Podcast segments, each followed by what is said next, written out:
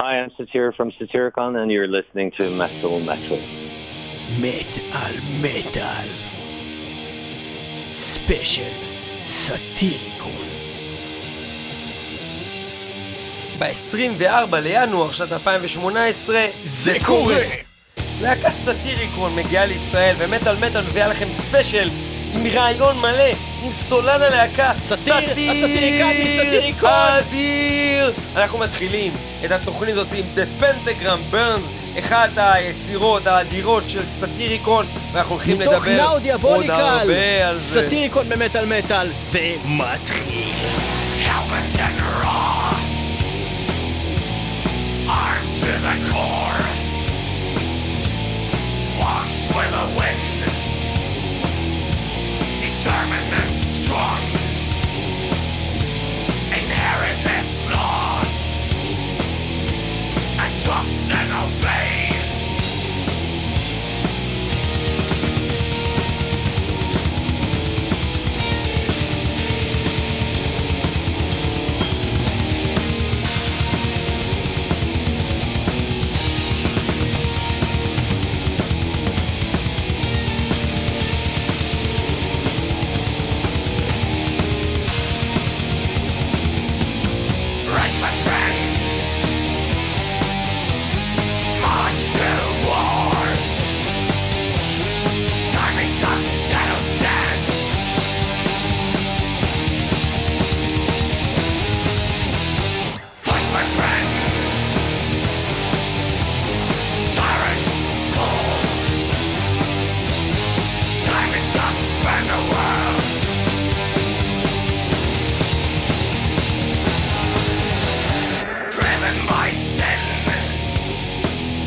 breakfast.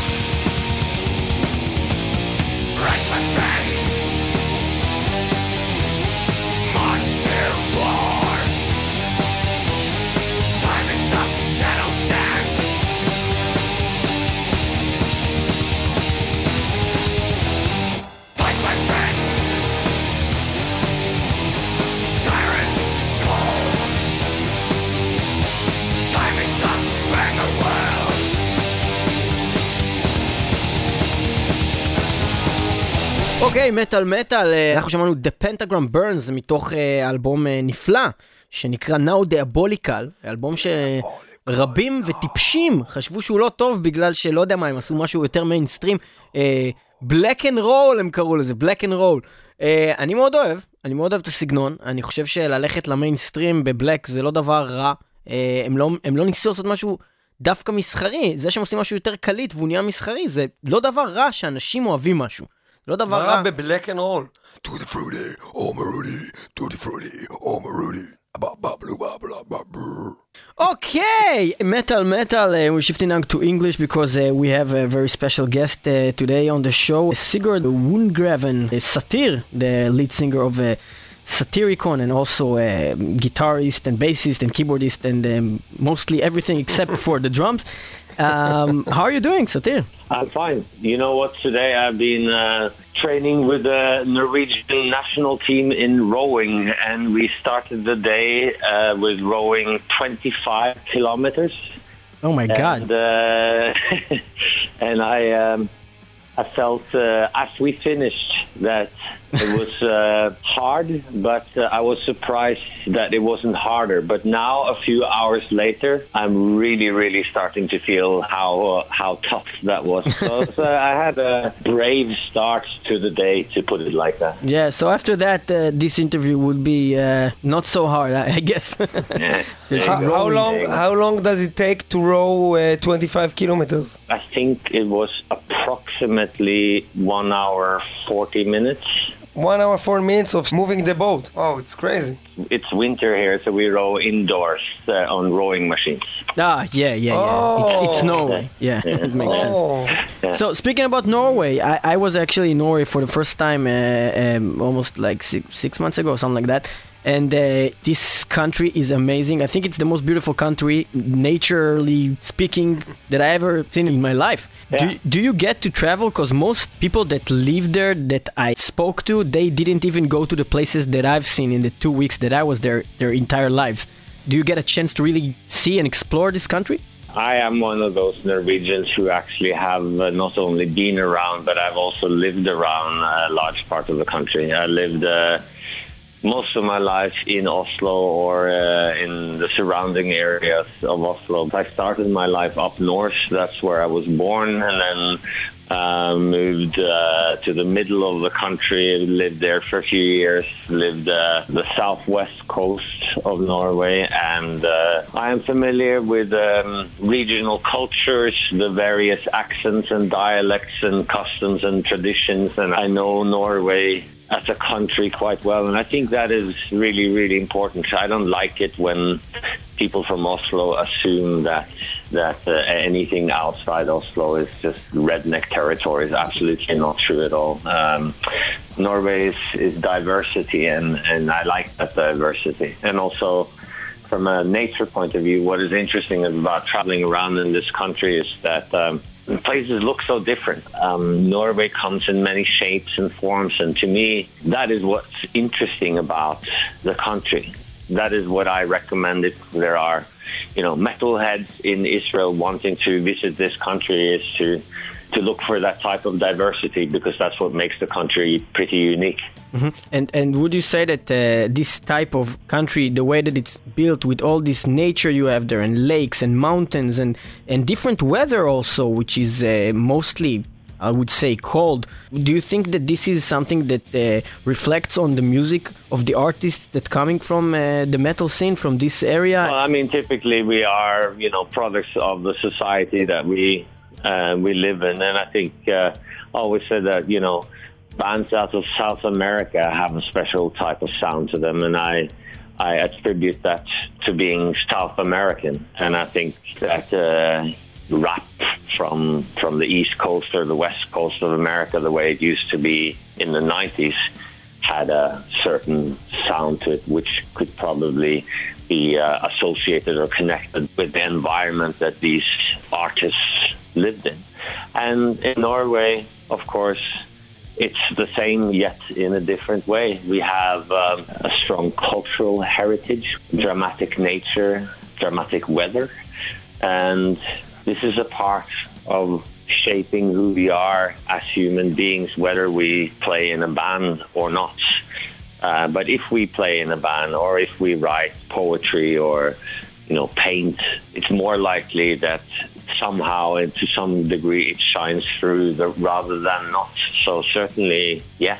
Norway being known as the, the capital of black metal uh, and associated with all these things that we heard in the past about church burnings and anti-religion in a way uh, from the black metal scene. Why would you say that this thing ha- happened specifically in this country? And uh, do you think that this type of lyrical themes were so popular in, in Norway? That is harder to answer because it doesn't necessarily have to do with Norway. I think I am leaning more towards, you know, as a likely explanation that a certain type of people at a certain time influencing each other with their thoughts and ways of being more so than this being an expression of something typical Norwegian. Uh, it's not something that we saw before the early 90s, and it's something that we've seen very little of since the early 90s. And whatever it is that we have seen it's been pretty rare, and, and whenever it has happened, like a church burning in more recent times, usually uh, it can be connected with you know someone who has a perhaps uh, you know romantic idea of early 90s Norwegian black metal scene. Yeah, I think it's more the people right there and then more so than being something Norwegian. Going uh, to your visit to Israel, before you said uh, you find it interesting about the Norwegian diversity, and you know Israel is the number one cultural diversity, um, religion diversity, or any kind of diversity in the world. Uh, would Yeah. you take some time to travel here when you come? Honestly, I have no idea of how tight or not our schedule is when we are in Israel. I know that what we are doing in the course of one week is that we are playing um, Athens, Greece, Tel Aviv, Israel, and then we're playing Ekaterinburg, St. Petersburg, and Moscow in Russia. And all of this. That all in one week. Yeah, in one week. So I'm sure that there is definitely no extra day or whatever in Israel. But if I have a few hours left, I will try and check out the food and the wine uh, because that is something which is of particular interest to me. For me, yeah, you know, there are many places that I would like to see, but there has to be some sort of inner motivation. We just went to uh, Brazil, and there's the famous Copacabana beach, you know, world famous. And then, and then we go there and look at the beach, and I think to myself, the only reason why we go here to look is because we've heard about it, but I, I don't have any sort of inner motivation to to go there. So I think you know, as someone like me, the most important thing when I travel the world, if I have a few spare hours, is that I try and um, look for things that I genuinely want to experience, not things that are Like tourist you know what I mean? attractions and stuff like that. Yeah, yeah, ex- ex- exactly. Mm-hmm, and Yeah. for me, when one of the best, you know, friends I have in the world of food and wine tells me that there are some places with really, really great food in Tel Aviv, then I want to try Yeah. and see if we have time to taste some really great food in Tel Aviv. You know. Yeah, there is So- really, really good food in Israel and in Tel Aviv in particular. Yeah. Um, I think it's a good time for to listen to a song. Maybe we'll go to the latest release of Satyricon, which has the title track uh, "Deep Calleth Upon Deep." Uh, We really like this uh, song. It's uh, very melodic, even more than than than previous uh, efforts, I think, of uh, Satyricon. Anything you can tell us about this song? You know, from early days on, uh, Frost, the drummer in Satyricon, talked about this song feeling like a journey to him, and that's that's what it is like to me. I feel like I travel as I listen to the song, so that's how I approach it emotionally and mentally. And I think you know, as you hear the song, you will probably feel that yourself. All right, Deep Calleth Upon Deep from the uh, album with the same name, title track. Uh, let's do it.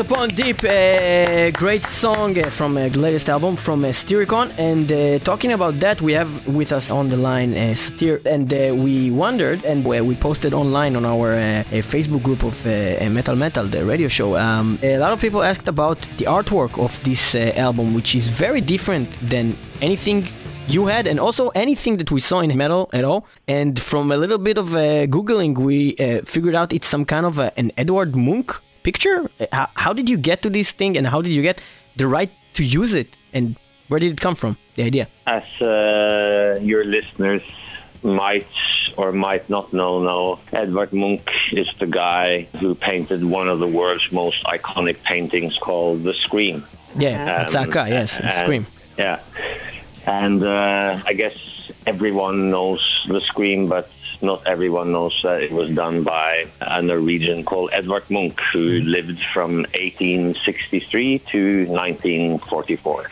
In a lot of people's opinion, myself included, uh, maybe the greatest time uh, of his career was between 1890 and uh, 1900, where he did, amongst many other things, uh, The Scream, and he also did Kiss of Death, which is on the cover of Deep Calls Upon Deep. The big difference is that Madonna, Vampire, The Scream, and all these others were uh, absolutely iconic paintings, while as Kiss of Death was something that he did uh, for a German art magazine called Quickborn. The stories are a little bit vague. Some people suggest that Munch went ahead and did a new version, uh, lithography, because he wasn't happy with how things turned out with the layout of this German art magazine. But I have asked the Munch Museum about this. They cannot confirm it, so I don't know whether this is correct or not. But nevertheless, what he did in the aftermath of this is that he made uh, 12 or 14 lithographies of this. To put it like this, the illustration is very well known and deeply admired by Munch experts, but to most people completely unknown. I came across it because one of the graphic designers that Satyricon uh, worked with back in the days on the Shadowthrone and Nemesis Divina back in the 90s and Rebel Extravaganza, he basically stopped doing album covers and moved more into working with art. And I thought that bringing him in for working with um, layout on uh, Deep Calls Upon Deep would be very suitable due to the nature of the music and the lyrics on this album. And one of the things that he told me when I started talking about the project and the music and the lyrics, he said that he had just been working on some big, big projects with the Munch Museum and also had the chance to see many, many rather obscure things of great, great quality and asked mm-hmm. me whether I would be interested in seeing any of this as he felt that this was many things that could possibly go very well with what I had described and talked about with with regards to the music and the lyrics I had written for the album. And I, of course, said that I would very much love to. And uh, when I came across this, it was an overly obvious choice. I didn't have to sit and think about it. The moment I saw it, I knew that this is our cover. And from that point on, it was basically about speaking to the Munch Museum and, and, and express our desire to be able to use this.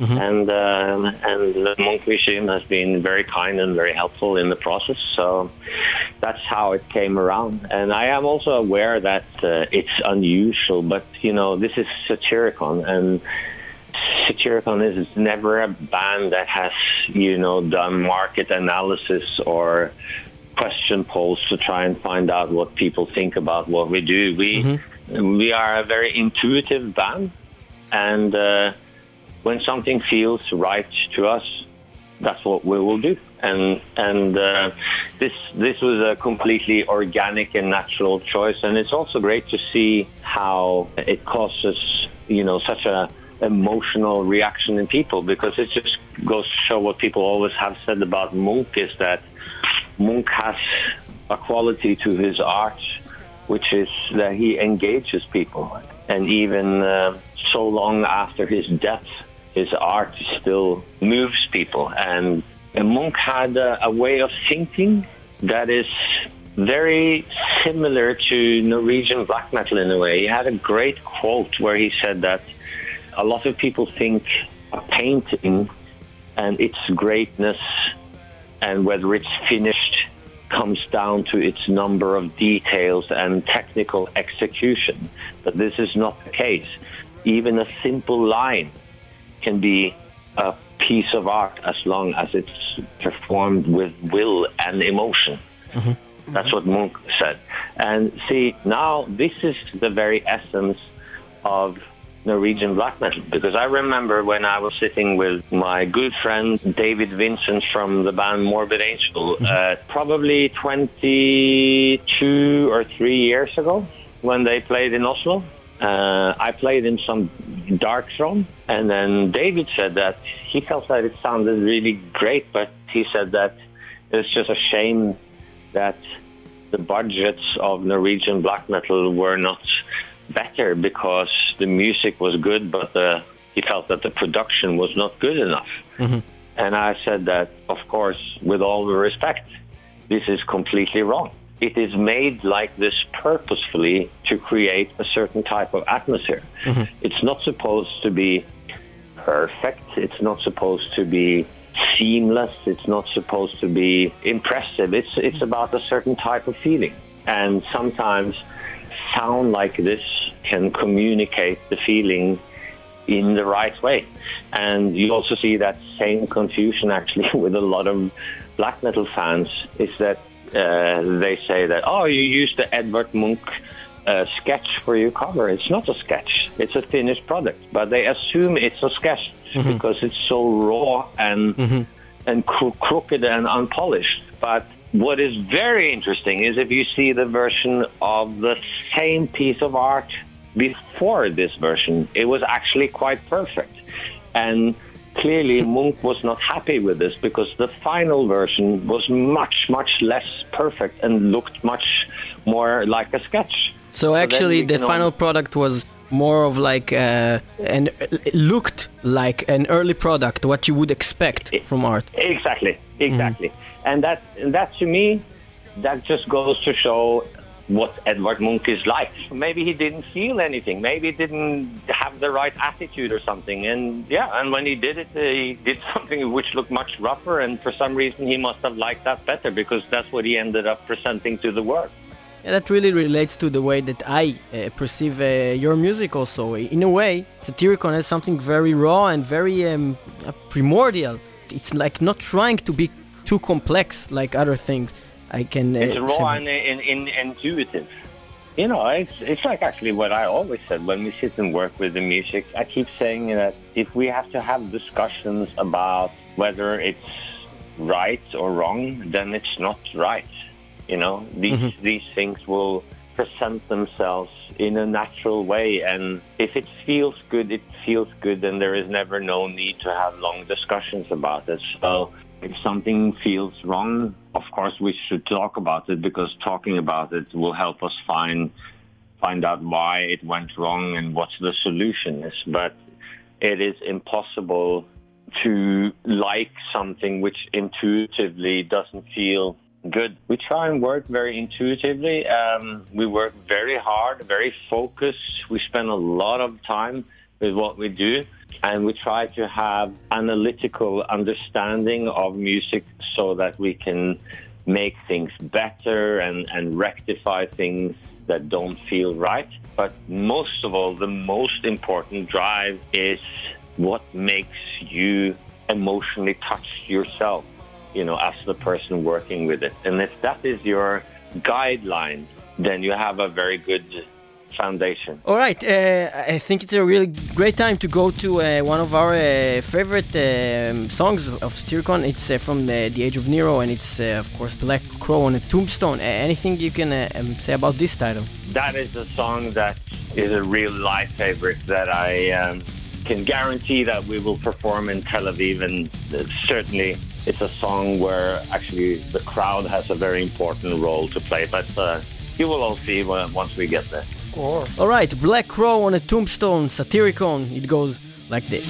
Hidden under its wings, the darkness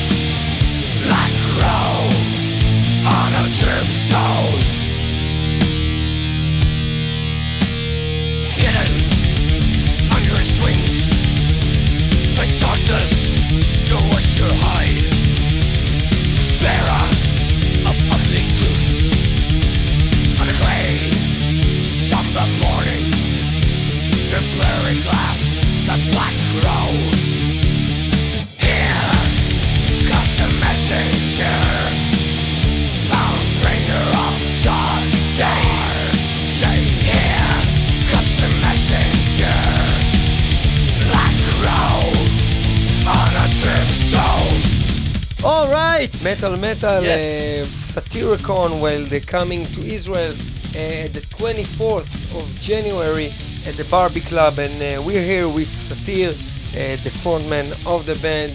And what I wanted to ask you is looking back 26 years ago and when uh, the band was starting uh, can you tell us about uh, the very beginning when you came to the band and how was it and what happened with the lineup of the band at the beginning Well, there wasn't any Satyricon lineup before me. I, I, lo- I know that I know that some of the members who were uh, shipped out of the band at a very early stage really liked to make it seem as if um, it was different, but it wasn't. The beginning of Satyricon, quite simply put, it was like this: a nameless band had an advert at the music shop, and it's it said something like this: speed thrash death metal band seeking singer.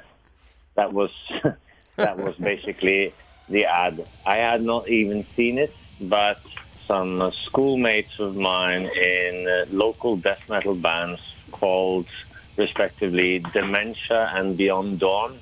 They had seen this note down at the music store um, called Supersonic, an instrument store. And I said, I told them, why would I be interested in that? I don't even sing. I play guitar. And I said, well, so you could join a band who plays the type of music you play. That was the argument. From that point on, I did just that.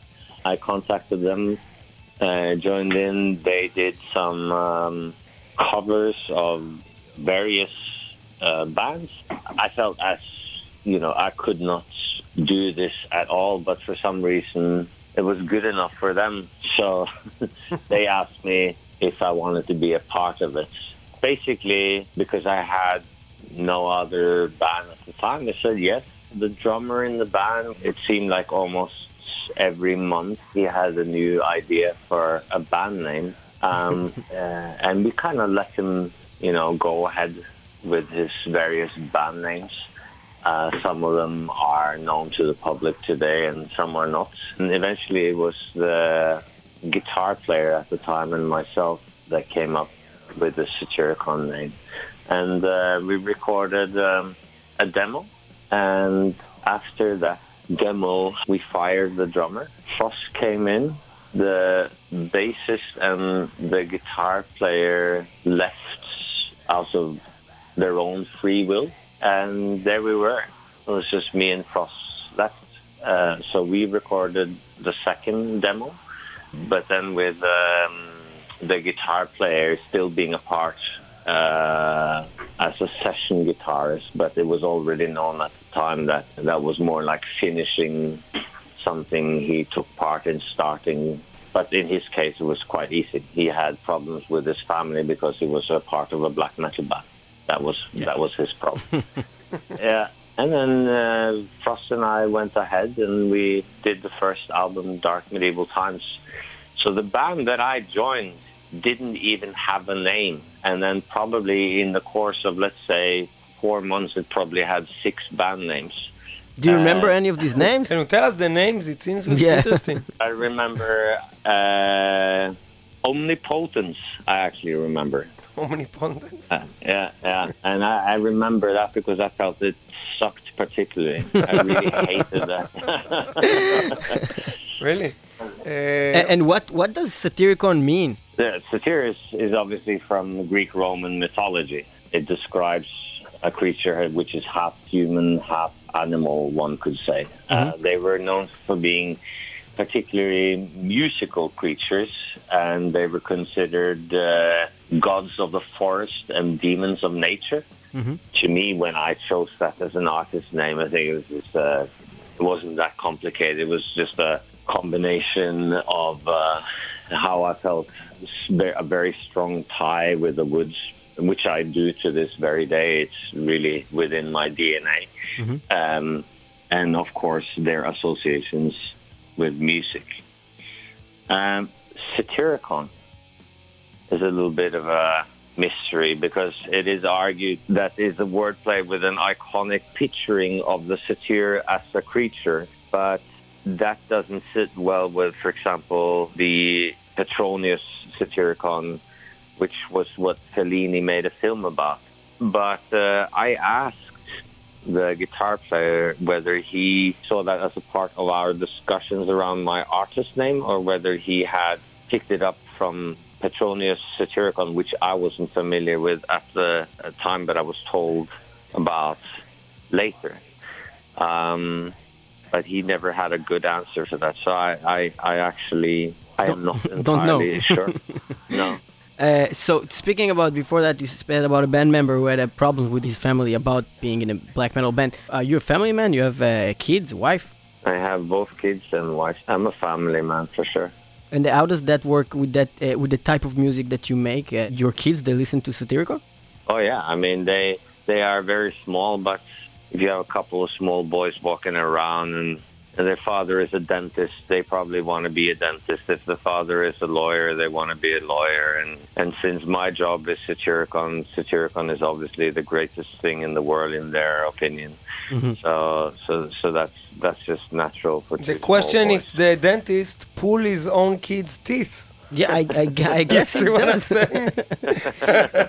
Yeah, but you know, if you take like, uh, for example, Ozzy Osbourne, and you look at his kids, they they don't do metal. They don't really listen to metal. They went to the exact opposite side. So you know, Yeah, we never know, like you know, what they were like before they were in the spotlight.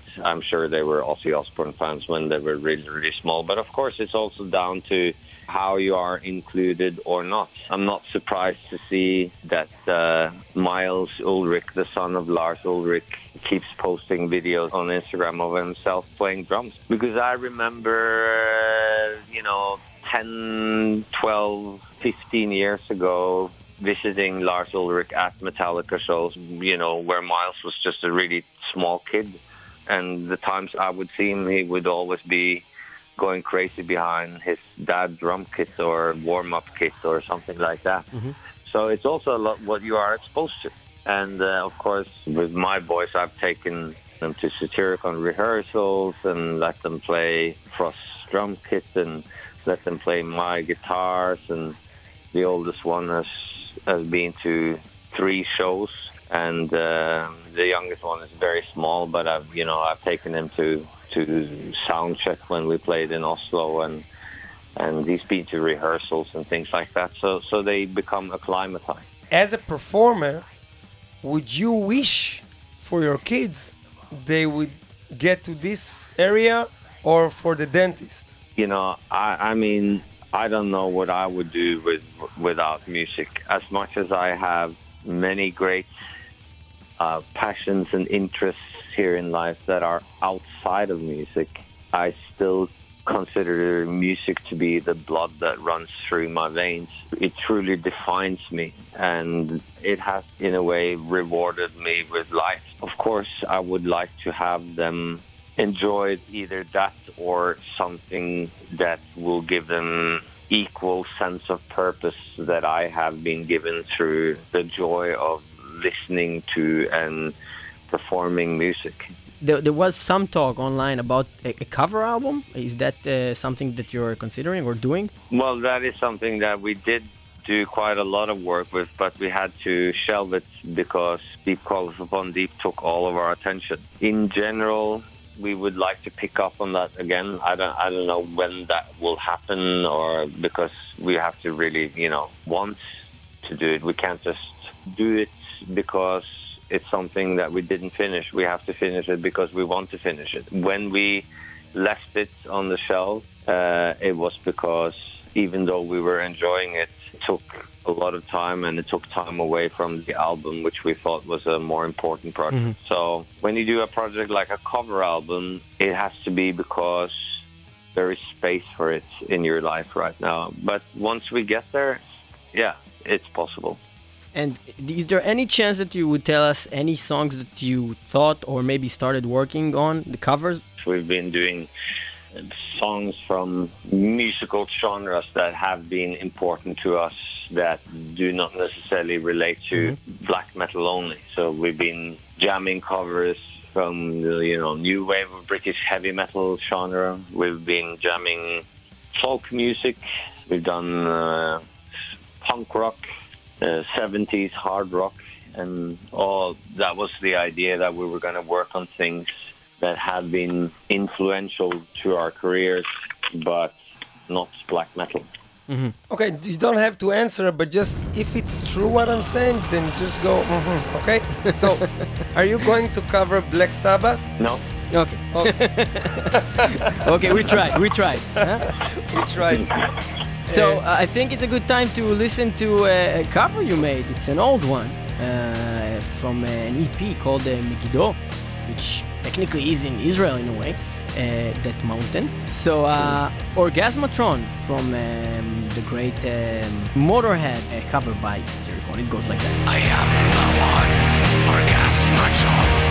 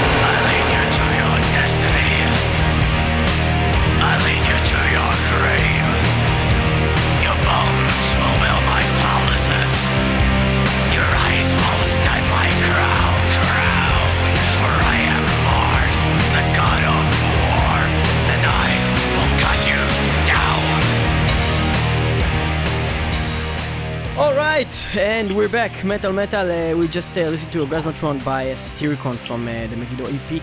We're with Satyr. Moving forward uh, with uh, this uh, really interesting interview. Uh, Satyricon are coming to Israel. And Satyr, we have a very important question, and I'm asking as one of the people in metal that dared to remove the long hair. In 1999, you shaved your head, and I wanted to know weren't you concerned about what would the crowd or how would it affect the band when you change your image? Uh, no, that's not a concern of mine because it's not an image, it's who I am. So there is no private me or professional me, it's all me. And uh, whether the hair is uh, this or that, it doesn't really matter to me. And to me, it all it's also huge, huge surprise that it can matter to anyone else because I thought, I, I don't think that anymore, but I used to think that metal wasn't so vain. But uh, that is something that I've realized that metal is very vain. And to many people, it is as much a lifestyle and a way of looking and uh, coming across as it is about anything else. And I don't feel that way. So that's something that I've personally never subscribed to. Sometimes when it's hardcore fans, they're very relate to to the the underground and something that is working in some way. And then when a change happens, either it's the singer cutting his hair or changing uh, musically wise to something more, um, let's say, mainstream in a way, more catchy, then they will take it really serious as though they were hurt. You know, I don't relate to it. I think that uh, trying other directions is more interesting than doing the same thing all the time. But uh, I I see this notion um, all the time in metal. So do I, but I still think it's really embarrassing. I, I, I still think it's undignified, not worthy, and quite frankly, a little bit ridiculous. I mean, tough people should be doing tough things and lifting heavy weights and shit like that. Shouldn't be talking about hair, for God's sake. I mean, I think that in metal, there's a lot of weak people who talk about being Vikings and talking about being rulers of the earth and this and that. But I still think the same people are a little bit afraid of cookie monsters under their bed, you know? and I find it offensive when vanity becomes a prominent topic in discussion within metal circles. But as I said, unfortunately, I have become used to it. But the fact that I've become used to it doesn't take away the fact that I think it's an absolute joke, you know, and I don't want to in any way condone it and, and say I understand. I know that it's there, but it's it's ridiculous. In 2015, uh, you discovered you had a, a brain tumor uh, that that took the metal scene by surprise, and many people cared for your health and well-being. Um, how are you feeling these days, and uh, how did it feel when you got that awful news? Today things are going well. Um, back then, like any other person, that wasn't a good situation for me to be in, of course, but things are better now. You know, I never had cancer or anything like that. I had a big cyst in my brain, which has caused a lot of health problems for me. And uh, you have to figure these things out and deal with them. But in general, you know, as adults, we will all find that there's going to be some rocks in our past and there's going to be troublesome stuff that we have to deal with, be it our own health, mental or uh, physical, or it could be the health of people uh, in our families or, you know, things like that. So unfortunately, that's just a, a part of life and something that we all have to deal with at some point sooner or later. And I have dealt with this to the best of my ability, and I've now reached a point where I feel that I can handle this condition very well. And I also really appreciative of the concern and the thoughts of support that I've been receiving from Satyricon fans all across the world. That's something that has definitely inspired me uh, a lot, and definitely. We're happy that you're uh, feeling better, and um, I think it's a great time to go to um, to Volcano actually, which um, has one of I think this song next song has our favorite guitar riff of Satyricon and one of our favorites of all times. Uh, it's called Possessed. Anything to say about this title? Possessed, uh, to me, what defines the song is basically how we work with the drums in the early section of the song. I remember that was um, as we were going into the the first bridge of the song. What I tried to make Frost do was to open his eyes and show how he could play with high intensity without playing, you know, metal. So what I showed him back then was some tapes with Atari Teenage Riot um, to to show him how you know things could be very intense and very percussive without being a typical blast beat or double kicks or something like that. He understood and got that and integrated that uh, new perspective for the first time with that song Possessed. And it, it also possesses a song that shows um, how much old school thrash metal has been a part of my uh, musical um, upgrowing, to put it like that. All right, Possessed by Satyricon. It goes like this.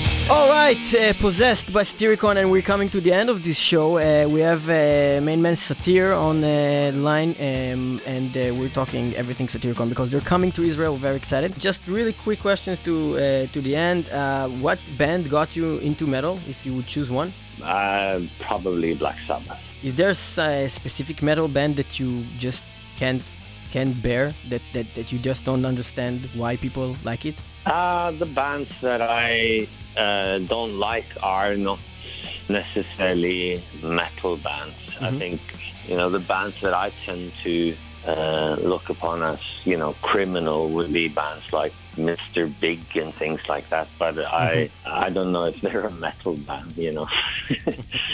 so, Okay, and Metallica or Megadeth? Oh, Metallica. Oh, okay. You're one of these guys. Okay. All right. Uh, Satir, thank you very much for your time, and uh, we really look forward to see you here in Israel. okay, Um, thank you so much. Look forward to coming. We'll see you in Israel. Okay, thank you so much, guys. אוקיי, ביי ביי. Bye. אוקיי, מטאל מטאל, אנחנו מסיימים את התוכנית הזאתי, איך לא, עם אה, שיר שבעצם מחזיר אותנו להתחלה. אה, אלוויס פרסלי, טודי פרודי, פרסלי. עומר רודי.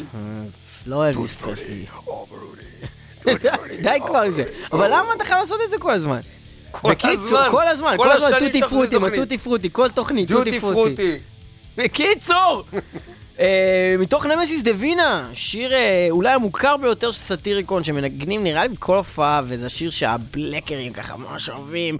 מאדר, נוף, תודה שהייתם איתנו במטאל מטאל 106.2 FM, ברדיו בינתחומי וגם תמיד ב-www.מטאלמטאל.co.il ו-www.podbean.com אנחנו גם ברדיו הקצה, kzradio.net ואנחנו מוקלטים בדרך כלל, אבל לא השבוע, ב-TLV1 רדיו סטודיוס בתל אביב, אנחנו רוצים לתת להם ריספקט למרות שהשבוע לא הקלטנו שם.